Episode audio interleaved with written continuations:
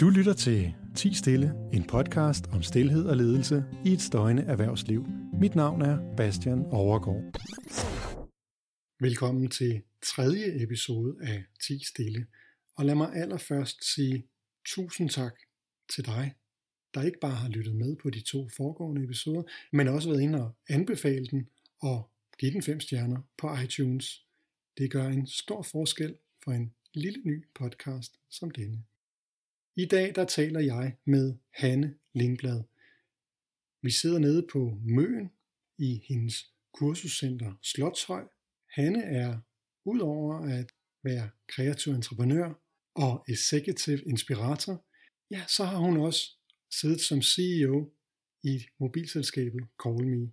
Udover at have arbejdet med trust i blandt hendes medarbejdere, ja, så var han også med til at skabe den kampagne, som du måske kender, der hedder Tal ordentligt. Og den ydmyghed, der ligger i at tale ordentligt, den kender jeg også fra arbejdet med stillhed. Og vi lægger ud med det første spørgsmål, og det er, øh, hvad tænker du helt overordnet, når du hører ordet stillhed? Jamen, så tænker jeg dejligt. Altså, fordi jeg synes, vi lever i en meget støjende verden. Øh, jeg synes generelt, altså ens liv er fyldt med støj, øh, og jeg kan rigtig, rigtig godt lide stillhed. Jeg synes, stillhed er helende, øh, og stillhed giver fokus på vores livs essens. Altså det mm. liv, som vi egentlig er. Vi er så defineret af alt det, der sker uden for os selv. Men det er i virkeligheden, når der bliver stille, at vi ligesom vender blikket indad og bliver fokus på det liv, som, som vi egentlig er. Mm. Ja. ja, så, tak for det. Så for mig er stillhed noget, noget meget smukt. Ja, og så, og så kan det jo komme til at lyde lidt uh, som dobbeltkonfekt ved det næste spørgsmål. Det er, hvordan har du det personligt med stillhed? Jamen, jeg har det rigtig godt med stillhed. Altså, jeg står jo tidligere op om morgenen, ja. netop for at få stillhed. Mm. Der, er, der er noget specielt ved morgener, hvor det meste af verden sover. Ja. Altså, der er jo aldrig helt stille. Altså, verden vibrerer jo hele tiden, og vi er jo selv øh, ren energi. Vi vibrerer jo selv hele tiden, men, men der er noget med den der tidlige morgentime, øh, som, som jeg er mm. helt øh, optaget af. Ja. Og derfor står jeg tidligt op om morgenen og, og mediterer og, og laver yoga også. Tak for det. Så vi, øh, vi haster til spørgsmål 3, og det er, øh, hvor oplever du stillhed i dit arbejdsliv? Jamen altså, jeg oplever, at øh, det er en katalysator, kan man sige, øh, når man anvender det. Og jeg, jeg har igennem mit liv altså brugt det på forskellige måder. Jeg har i mange år arbejdet med salg, og der oplevede jeg faktisk, at det at kunne være stille var en styrke, en forhandlingsstyrke. For de fleste mennesker kan ikke være stille, de oplever det som ubehageligt. Og jeg har altid haft det godt med at kunne være stille, selvom jeg også er en meget talende person. Så derfor brugte jeg det faktisk på den måde øh, som en, en styrke i forbindelse med behandlinger, når der var gnidninger. Og, men det kan også være en forløser. Altså, og det har jeg oplevet blandt andet i, i forbindelse med, med Teams, eller også i forbindelse med ledelsesudvikling, som jeg arbejder med nu, at, at det at kunne være stille sammen, er virkelig noget, der åbner op. Fordi det får os til at, at sætte fokus ind af, og vi er jo konstant altså i, i, i, i samarbejde med vores omgivelser, hvorvidt vi taler eller ej. Øh, så det at kunne vende blikket ind af, er, er virkelig noget meget, meget kraftfuldt. Og det er tit, når jeg bruger det, at folk siger, hold da op, det skal vi da bruge noget mere. Ja. Det var da rigtig godt. Ja. så, så, så på den måde synes jeg, at det har rigtig mange anvendelsesmuligheder. Ja generelt, og jeg tror, vi glemmer det. Jamen, det gør vi. Ja. Og selvom vi har prøvet det, så kan det være svært at få det rent faktisk gjort, fordi det er ja. så anderledes, som markant ja. anderledes for os. Ja. Jeg husker en, en leder, jeg havde haft et, et team fra Oticon øh, ude på sådan en silent walk, ja. og hun sagde noget meget smukt omkring, at, at, at der er hele tiden forventning om, at vi skal have et svar klar, og vi, ja. så vi er hele tiden oppe i vores hoved der, ja. men når vi var stille sammen, så blev vi mere nysgerrige på hinanden. Ja. Enig. Og det kunne jeg rigtig godt lide, den her tanke. Ja. Og, og når du nævner ja. også med Teams, i ja. forhold til at skabe nysgerrighed på ja. hinanden. Jamen, det er rigtigt. Jamen, det er helt rigtigt. Det gør noget, fordi selvom vi er stille sammen, er der jo skade, stadigvæk en masse, altså vi, vi er jo alle sammen omgivet af det her elektromagnetiske felt, så vi er jo i kontakt med hinanden, selvom vi er stille. Men det er en anden form for kontakt. Det, det er sådan mere sansende kontakt. Og jeg tror, noget af det, der også ligger i, i fremtiden, det er reelt, at vi alle sammen kommer til at arbejde med at skulle være mere sansende. Fordi i dag er vi på øh, mange måder allerede de robotter, som vi nu fanatisk er i gang med at fremelske. Men det, som vi mennesker jo kan, det er, at vi har jo en bevidsthed, som vi kan arbejde med at udvikle. Og vi har et enormt stærkt sanseapparat, men det sanseapparat bliver bare meget dulmet faktisk af den støj, som vi omgiver os med. Mm. Så når vi tør åbne op for døren ind til stillhed, så er det faktisk, at vores sanseapparat begynder at eksplodere. Hmm. Og så på den måde er det jo ekstremt befordrende også for kreativiteten, altså, præcis, ja. som vi jo skriger på i vores virksomheder. Ikke? Så, så det at turde omfavne nye værktøjer, som for eksempel arbejde med stiltid, det tror jeg virkelig er noget, der bliver, bliver stort i fremtiden. Ja. Jeg, jeg, jeg læste øh, en professor fra Harvard, øh, Theresa Amabile, som har forsket i kreativitet og produktivitet i 30 år. Hun, hun har anbefalet virksomheder at sige, hvis de kun skal gøre én ting for at forbedre ja. kreativitet og, og produktivitet, så er det at give medarbejderne 30-60 minutters quiet reflection time every ja. day. Ja. Altså hver dag. Altså, ja. Øh, så bare for at det understøtter ja. også det, du siger. Men det der. tror jeg også, fordi at jeg har faktisk prøvet i mit team mm. i Call at arbejde med at øh, meditere. Ja. Men set i bagspejlet, vil jeg i fremtiden, i stedet for at omfavne stillhed, fordi faktisk mine unge ledere oplevede meditation som lidt intimiderende, eller som en ny kompetence, man skulle tilegne sig, og havde et eller andet billede af, at så skulle det bare være helt stille, altså også inde i hovedet. Og vi har jo de her 60.000 tanker i løbet af en dag, så derfor er det jo sindssygt svært at, at, at faktisk kunne levere den der enorme stillhed, som de gik rundt og, og troede, at de skulle være i stand til at kunne levere. Ikke? Mm. Så jeg vil meget hellere omfavne øh, og arbejde med stillhed. Ja. Øh, fordi det tror jeg, vi har meget lettere adgang til. Det er jo noget altså meget naturligt. Altså. Lige præcis. Ja, jamen, fantastisk. Ja. Så er vi jo lidt på samme øh, bølgelængde. Det var godt Overraskende sige. nok. Overraskende nok, ja. yes. Øhm, så så det, det er egentlig meget... Øh, bringer mig hen til spørgsmål nummer 4. Hvorfor tror du, at der er så mange mennesker, som er bange for stillheden? Jamen, jeg tror, det er fordi, at vi basalt set ikke bryder os særlig meget om at være sammen med os selv. Og jeg tror ikke, det er noget, vi sådan går bevidste om. Men vi er så optaget af den ydre verden, og det er også noget, vi kulturelt altså, bliver programmeret til at være. Altså, så, så det at være så meget sammen med os selv, det tror jeg, de fleste af os faktisk finder intimiderende. Og, og uden at være ekspert på det, kun, jeg kan kun være ekspert på det, jeg selv oplever, så kan vi måske være bange for, hvad det er, vi finder derinde.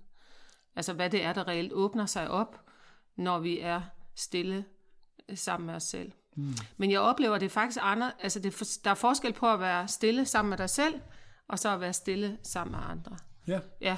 Det vil du øh, uddybe det. Det kunne jeg ja, også tale meget ja, om. Det er ja, det, jeg arbejder med. Men hvad, ja. hvad vil du gerne, øh, hvordan jamen, vil du uddybe det? Jamen altså, det, det som jeg tror, at vi alle sammen har en stor arbejde i forbindelse med, det er faktisk det der med, hvad det er, der sker, når vi er sammen med andre. For de fleste af os er i stand til at mestre os selv, når vi er alene med os selv, oplever vi. Men det øjeblik, vi træder ind i et rum og skal være i en eller anden form for interaktion med andre, så sker der noget andet. Det er jo hele det relationelle, der går i gang der. Øh, og det er også det, der gør, når vi, vi er stille sammen, og vi sidder, og vi kan få nogle fornemmelser. Så, så altså, jeg tror, det handler om, at vi skal blive meget mere energiorienterede som mennesker. Altså, vi skal tale meget mere også om energi. Og det var faktisk også noget, jeg øh, hvad hedder det, begyndte at tale meget om i Call Me, i, i slutningen, hvor jeg var der, og hvor vi blev enormt orienteret imod det her med energi, og den energi, som vi er i stand til at skabe sammen. Og jeg tror, at det er noget af det, som stillhed både kan øh, gøre os stærkere på, og, og, og kunne være orienteret imod, men også kan være med til at, at åbne op og forløse.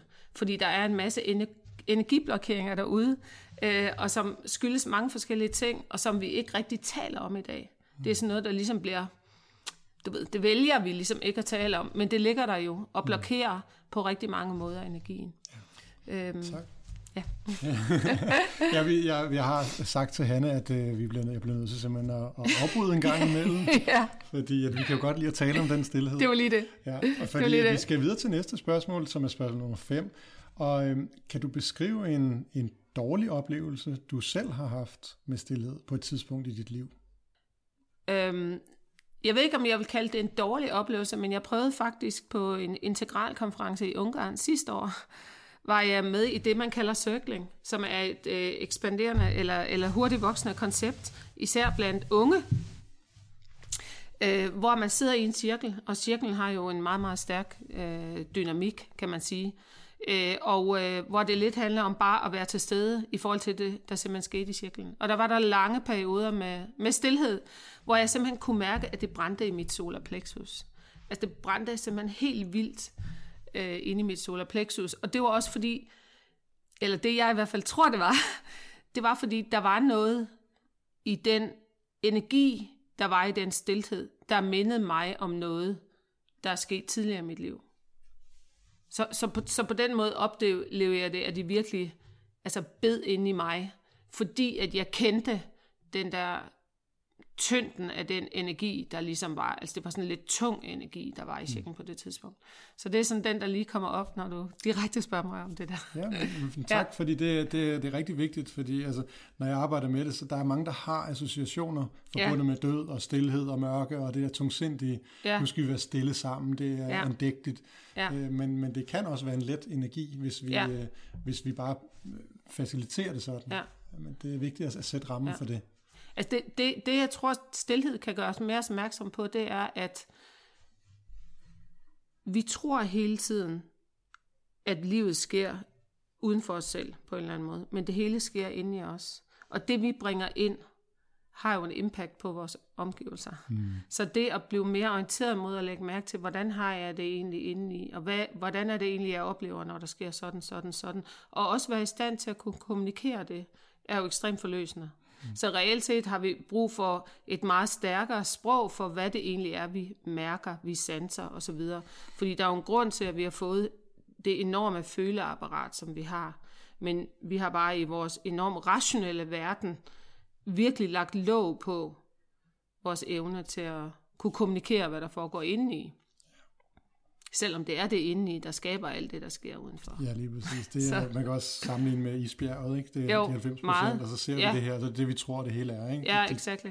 Ja. Det lille, den kan vi da sagtens køre, uh, sejle igennem. Ja, Der er ingen ja. problemer der. Uh, men uh, vi, uh, vi er klar med, vi er over halvvejs. Okay, det er, jo, det er, det er godt. Det, jeg synes, det vi, gør det, vi gør det godt. Yes. Jeg er faktisk jeg er, ah, det er glad for, du synes. Ja. øhm, og spørgsmål nummer 6, det er, hvad tænker du, der sker vi har jo været lidt inde på det, men hvad tænker du, der sker, når vi er stille sammen? Øhm, jamen, jamen, der er jo hele tiden et individuelt og et kollektivt felt. Og jeg var lidt inde på det der med, at vi er elektromagnetiske væsener. Ikke? Og altså New Science ved jo godt, at hele verden er jo energi, og vi er jo så bare fortættet energi. Så vi har jo det her stærke elektromagnetiske felt, og de felter går jo ind i hinanden, når vi sidder sammen. Så på en eller anden måde, når vi er stille sammen, så er vi i langt højere grad i stand til at tappe ind i det der kollektive felt. Mm. Altså, og bliver meget mere orienteret om, at vi faktisk er i stand til det. Fordi det er tit, når vi taler, taler, taler, så oplever vi os selv som adskilte fra de andre. Ikke? Det er lidt ligesom sæbebobler. Du ved godt, når du blæser dem ud, så ser det ud til, at der er mange forskellige sæbebobler, men det du prikker ind af dem, puff, så bliver det bare en del af det hele. Og stillheden får os ligesom til at se, at vi er en del af det hele. Mm. Altså, at kunne mærke det, faktisk. Mm. Ikke? Altså, kunne sanse hinanden på sådan en meget mere, også intim måde, faktisk. Altså, mm. Super intim. Ja, så, øh, så, så på den måde er der noget sådan, altså er der gang på gang, oplever jeg, når jeg er stille sammen med andre, og også vidt forskellige mennesker, altså nogle, nogle dybe erkendelser, nogle, nogle indsigter, der, der ligesom kommer. Så man kan også kalde det gaver, så der, der er mange gaver ja. i det at, at, at være stille. Ja. Jeg, jeg plejer også at sige, at, at, at vores, meget af vores ego bor i vores ord. Og at når ja. vi sidder og taler sammen, så er det sådan en det er støj på linjen. Ja. Så når vi er stille, jamen, så, så er der ikke den her sne på skærmen. Der er ikke, det, altså, så, der, så opfanger vores antenner det, der er. Ja, og det er, det er ikke den her ego-støj på Nej. samme måde. Ja. Øhm, så. Nej, og det at være stille sammen gør jo også, altså hvis vi, så, hvis vi som team for eksempel besluttede, at øh, vi må kun sige noget, vi mener, hvilket vil sige, det er slut med at sige, undskyld, det mente jeg ikke, eller ej, der var jeg lige lidt hurtig, eller da da da, så ville der jo blive meget mere stille. Altså hvis vi virkelig skulle tænke over hver ord, og virkelig mm. skulle vælge det rigtige ord, mm. Altså, det ville jo være en helt anden verden, vi ville skabe. det var et interessant eksperiment. Jamen prøv jeg, jeg, har faktisk lige, jeg har lige faktisk lavet noget, et meget interessant regnestykke. Øh, det var, fordi at, at, øhm, vi taler cirka 150 ord i minuttet plus minus. Wow. Ikke? Men, øh, men så kan du, det kan du gange op, hvis du har en, et møde på en time. Det er jo 9.000 ord. Mm. Uh, så, så det er sådan et, Ja, for mig et argument for at stoppe op og være lidt stille sammen og lige Ja. tænke sig om, inden man taler videre. Ja. Men udfordringen er jo også, tror jeg, at når vi er i den der talestrøm, så de fleste af os er jo ikke specielt gode til at lytte. For man kan sige, lad os nu sige, du talte, og så sad vi alle sammen sådan lidt og hum. nu, nu, over, nu overgår jeg det lidt, ikke? Men var lige sådan, sådan hmm. Lod det ligesom synke ind. Og så tænkte vi over, om der var noget, vi så ville sige. Men sådan foregår der ikke. Fordi det, der sker, er jo survival of the fittest. Oh yes, Så imens du snakker, sidder jeg og forbereder, hvad jeg vil sige. Altså, sådan, forbered, sådan foregår det fald de fleste steder. det gør det nemlig. Så, så, så det der, altså i gamle dage rundt om bålet havde man jo the talking stick. Ja. Når man sad i en cirkel, og der sad man jo og havde en pause, altså mm. imellem. Ikke?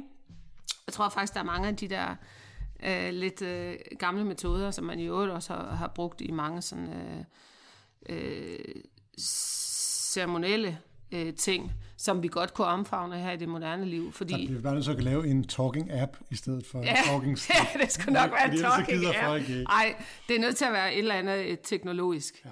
Er det rigtigt? Fordi vi er, jo, vi er jo så meget mere optaget af at omfavne teknologien, end vi er optaget af at omfavne os selv. Fordi mennesket er jo den mest avancerede gadget, der findes overhovedet. Altså, vi ved jo ikke en brygdel i forhold til os selv, og hvordan vi fungerer. Ellers så vil vi jo være et andet sted i forhold til sundhed. Så. Ja. Hvordan kan stillhed blive en del af en arbejdskultur? Det kan det, hvis man som ledelse ved det. Det handler som alt muligt andet om villighed. Så den er ikke længere end det. Fantastisk. Jeg er enig, og så sparer vi også noget tid, så vi kan bruge på spørgsmål nummer 8. Hvordan vil du sælge det ind til en ledelse, at de skal give plads til stillhed i løbet af en arbejdsdag? For eksempel i møder. Øh, jamen, jeg vil walk the talk. Det er sådan, som jeg har oplevet, at det virker bedst. Altså, jeg vil jo være en inspiration i mig selv i forhold til at bruge stillhed, forstået på den måde, at jeg vil begynde at bruge det. Altså, jeg vil simpelthen introducere min ledelsesgruppe for det. Og, og fortælle, hvad det gør ved mig, og hvorfor jeg har valgt øh, at bruge det. Og det vil jeg gøre i første omgang selvfølgelig for at tale til den logiske hjerne, som jo er den folk rigtig meget tager med på arbejde. Men så vil jeg også tale ind i det med, at vi lever i en tid, hvor der er et enormt behov for, at vi også udvikler vores sanseapparat noget mere, og bliver i stand til at i talsæt, hvad det rent faktisk er, det er, der sker med os på det, på det fysiske og det sansende. Altså i forbindelse med de forskellige ting, som vi er involveret i. Hvorfor og har vi brug for det? Hvorfor har vi brug for det at udvikle vores jamen, det har vi brug, jamen det har vi brug for, fordi der ligger så meget viden der. Altså en meget, meget stor del af vores visdom ligger i vores sanseapparat. Det hele ligger ikke op i vores hjerne, i intellektet. Og det er jo intellektet, vi indtil nu har udviklet. Altså helt enormt meget, og det er det, vi dyrker. Altså vi er alle sammen, som jeg oplever det, fanget i et rationelt jernbord. Og hey, jeg er derinde sammen med alle jer andre. Fordi jeg har oplevet mig selv som så fanget i det der rationelle jernbur.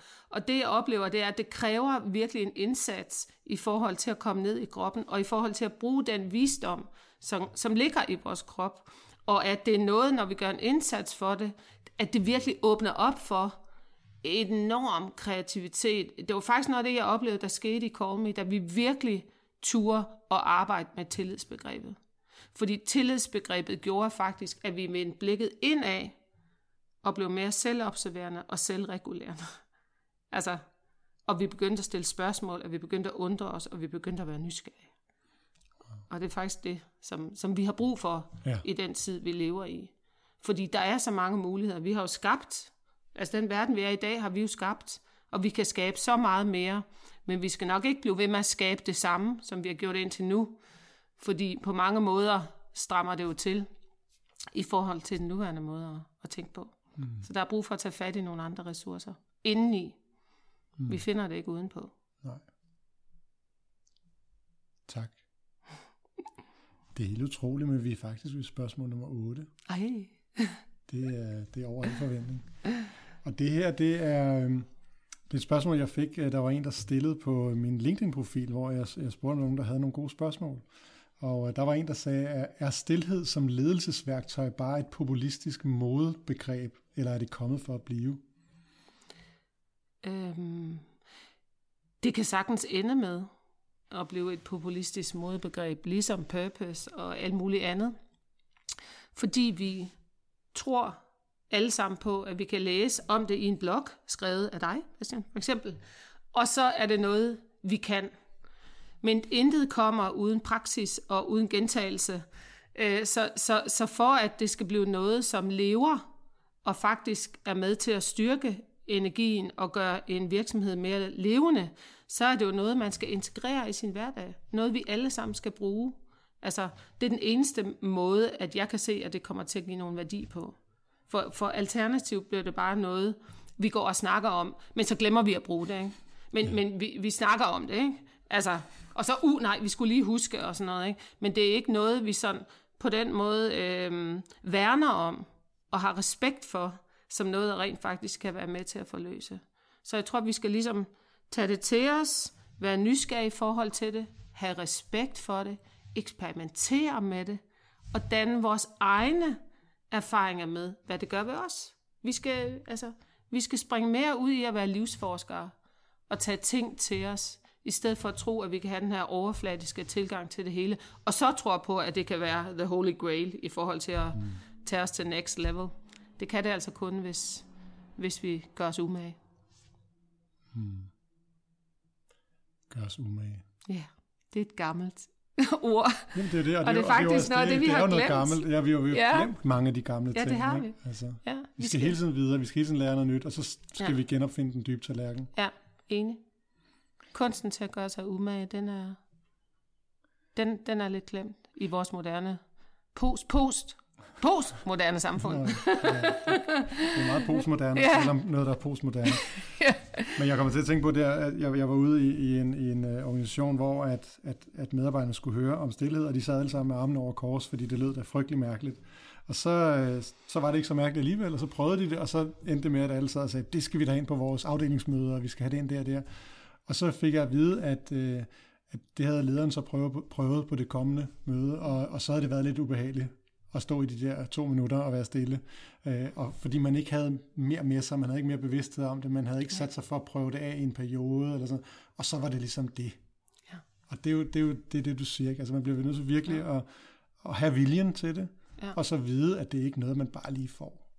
Jamen, og så også mm, måske i praksis også forsøge at leve det autentiske lederskab, som der også findes rigtig mange opskrifter på, som vi kan læse om igen i blogs og så videre, eller i bøger.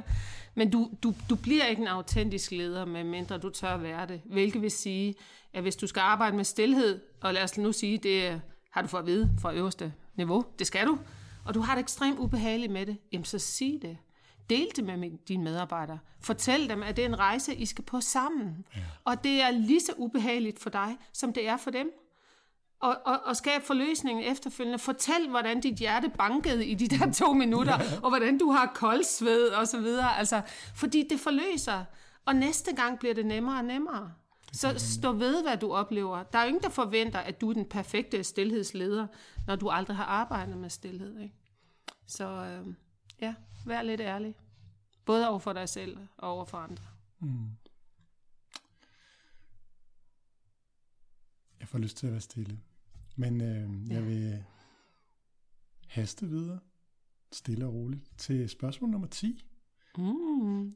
Som jeg faktisk også øh, har fået fra øh, en, øh, en af mine... Og det, han er ikke engang en af mine LinkedIn-forbindelser, men det er en, der har været inde og skrive, Dejligt. hvad kan stillhed, som intet andet kan? Hvad kan stillhed, som intet andet kan? Jamen, jeg mener virkelig, at stillhed kan bringe os i kontakt med vores indre livskraft. Mere end noget andet. Punktum.